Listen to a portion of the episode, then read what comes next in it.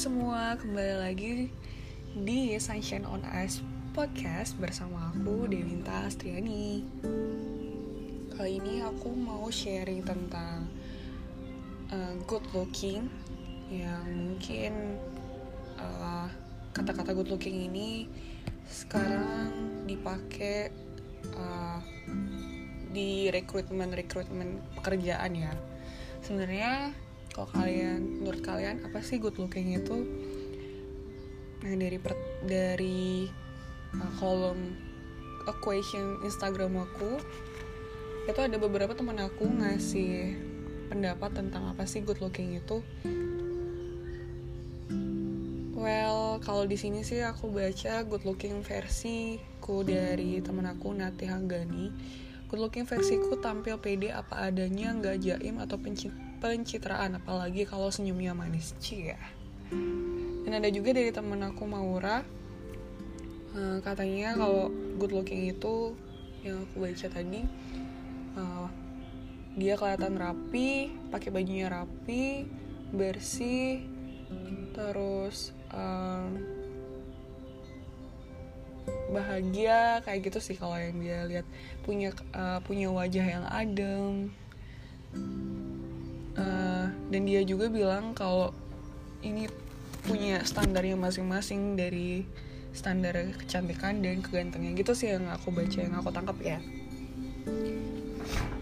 Terus ada juga nih uh, dari temanku Yogi Swarimas itu katanya uh, good lookingnya yaitu Dian Sastro Wardoyo dan Mas Yogi Swari.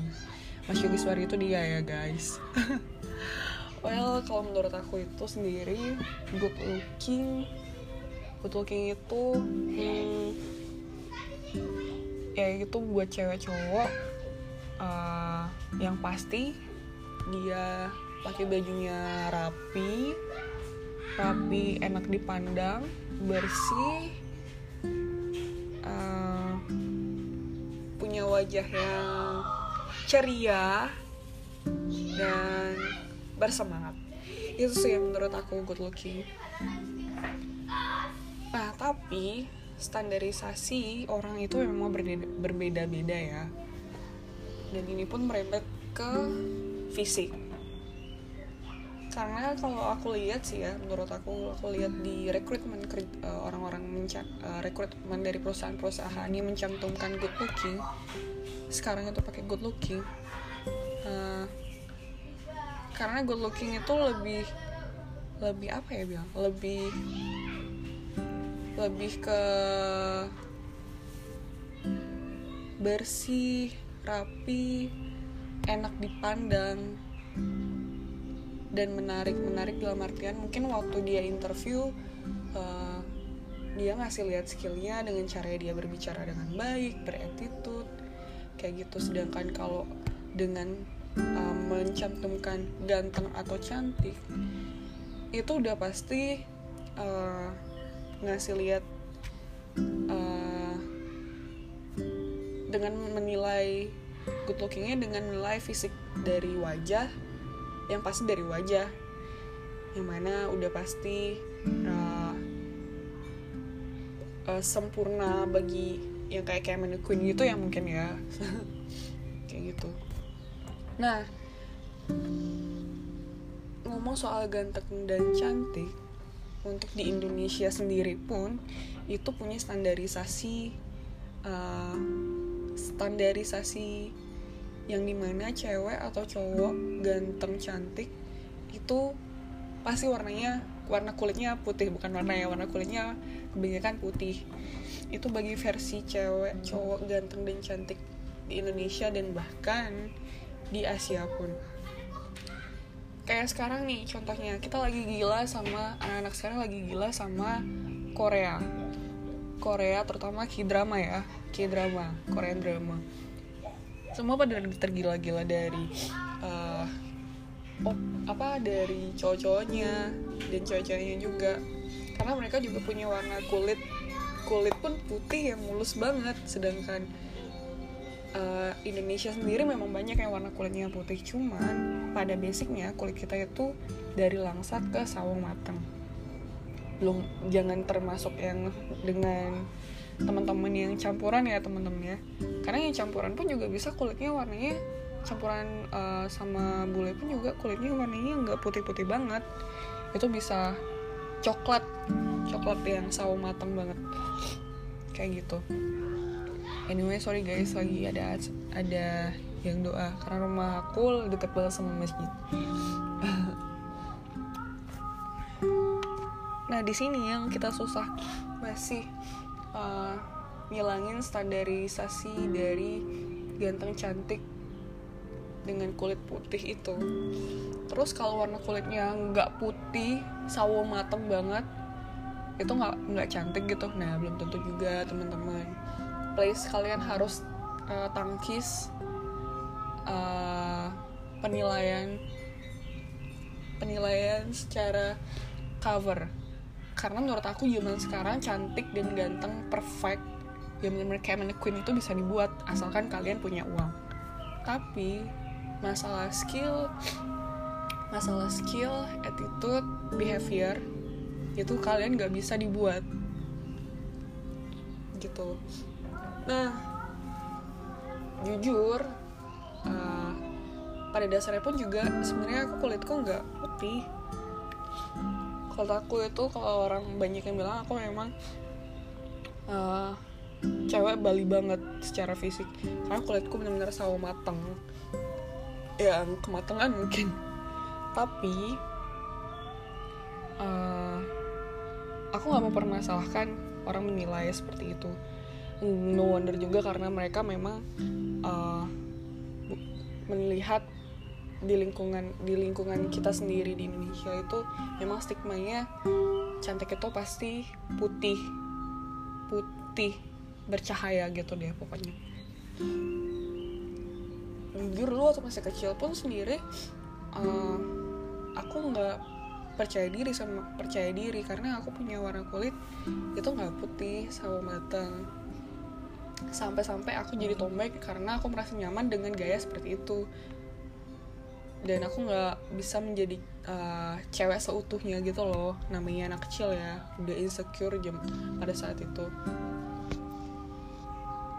Uh, sampai aku jadi uh, sampai aku lulus SD uh, mama aku ngeliat badan aku tinggi. Uh, jangkung ya gitu ya tinggi itu pun uh, itu karena emang keturunan juga dari mama dan bapakku itu tinggi terus aku juga les nari dan les renang. Mungkin karena itu ya. Dan waktu itu masa pertumbuhan jadi aku kelihatan pertumbuhanku cepet langsung kayak tinggi gitu. Dan kan dulu aku waktu SD nggak tinggi gitu loh. Nah begitu aku lulus SD aku terlihat sangat tinggi. Sampai mamaku melihat aku punya potensi uh, masukin aku ke dunia modeling.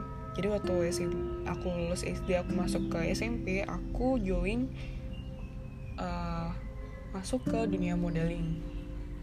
Awalnya aku benar-benar nggak pede banget benar nggak pede. Uh, jalan di panggung pun aku bungkuk dan nunduk gitu loh nggak berani lihat ke depan karena aku benar-benar nggak pede.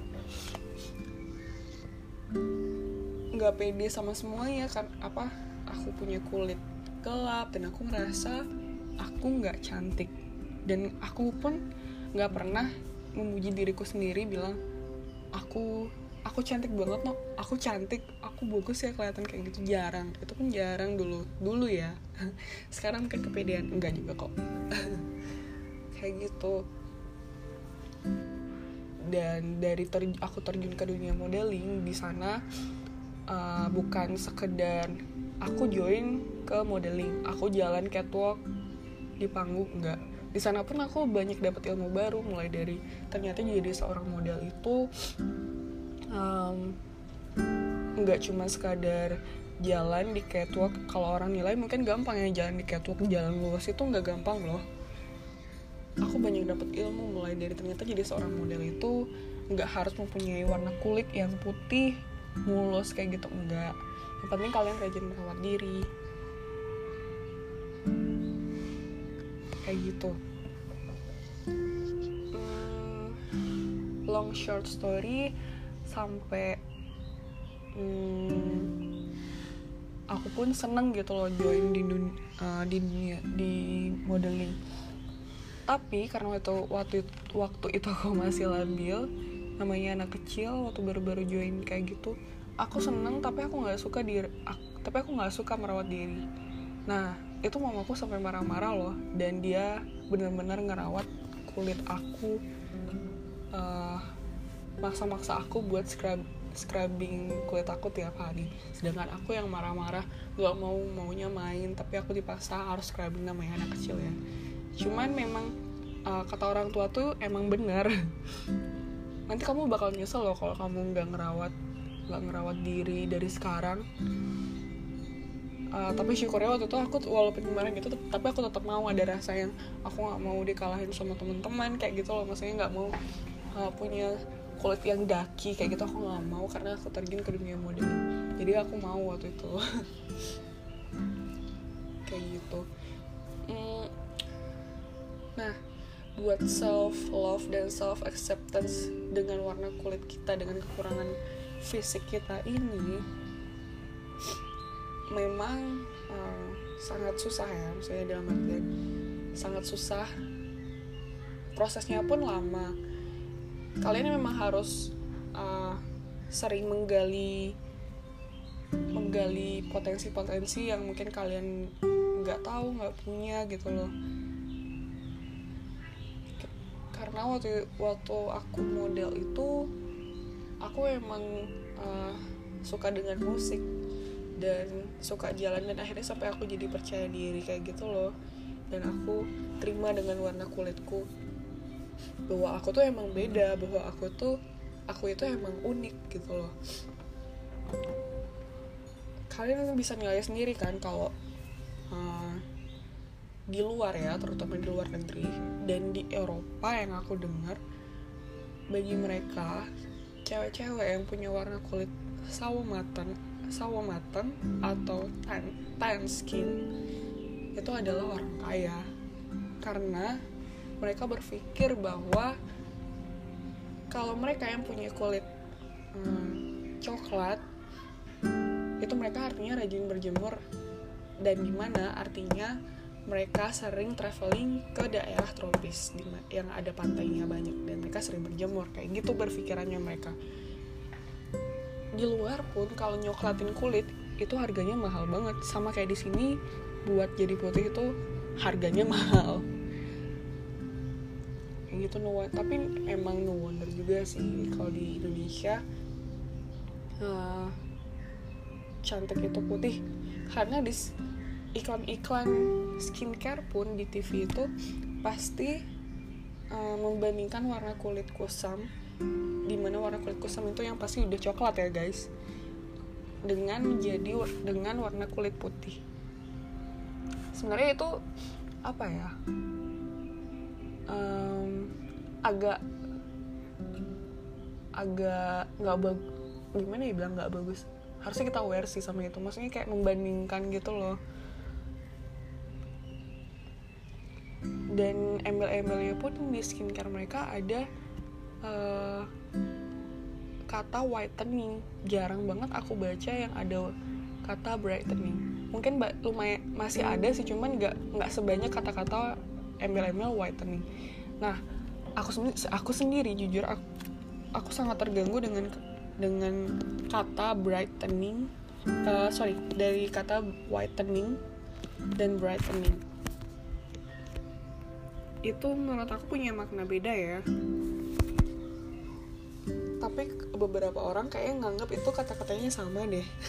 Kalau aku udah jelas-jelas whitening dan brightening. Whitening itu memutihkan brightening itu mencerahkan. Kalau aku versiku aku lebih suka ngedengerin kata brightening karena mencerahkan dalam artian itu ngangkat sel-sel kulit mati. Kalau whitening jelas-jelas membuat kulit kita jadi berubah warna yaitu putih. Itu aku nggak suka dengarnya jujur aku lebih suka dengarnya brightening. Tapi uh, penilaian orang memang sangat berbeda-beda dan pilihan hidup orang memang sangat berbeda-beda.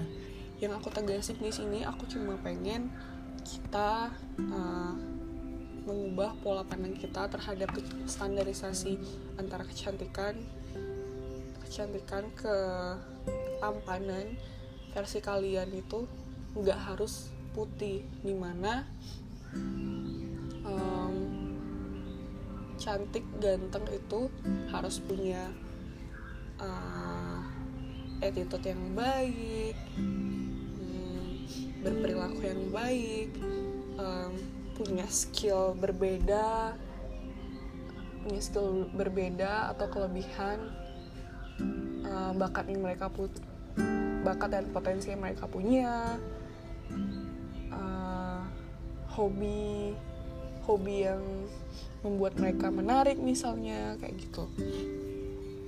Jadi uh, masih banyak juga orang yang menilai dari uh, coveran individu tersebut. Kayak gitu. Well namanya manusia memang nggak ada yang sempurna. Aku pun juga nggak sempurna. Jadi di sini aku cuma mau sharing aja apa isi di otak isi di pikiran pikiran aku. Dan isi di pikiran di uh, di teman-teman aku. Kita semua itu sudah diberi kelebihan dan kekurangan dengan porsinya masing-masing. Kalian cantik dengan dengan kalian seutuhnya dengan pribadi kalian selama kalian uh, menjaga merawat diri kalian di mana merawat dalam artian di sini kalian uh, mungkin rajin olahraga makan dan minum sehat uh, ngelakuin hobi kalian dan otomatis itu akan membuat kalian merasa bahagia. Dengan energi positif yang kalian pancarkan itu otomatis orang pasti akan melihat kalian punya sesuatu yang sangat menarik sampai mereka uh, punya apa ya bilang 5 menit first impression gitu ya kalau nggak salah. Atau 30 detik first impression. Gitu sih yang aku pernah baca ya dalam uh, pertama kali kita ketemu sama orang baru. Kayak gitu. Well segitu aja dulu sharingan untuk hari ini. Semoga uh, podcast kali ini bisa kalian serap kata-kata positif aku dan sesuai dengan uh, bisa sesuai dengan pemikiran kalian uh, jadi juga aku di sini masih belajar karena aku masih amatir tapi aku pengen sharing apa isi pikiran-pikiran aku dan teman-teman aku. Well, have a nice day. Sampai ketemu di episode selanjutnya. See you.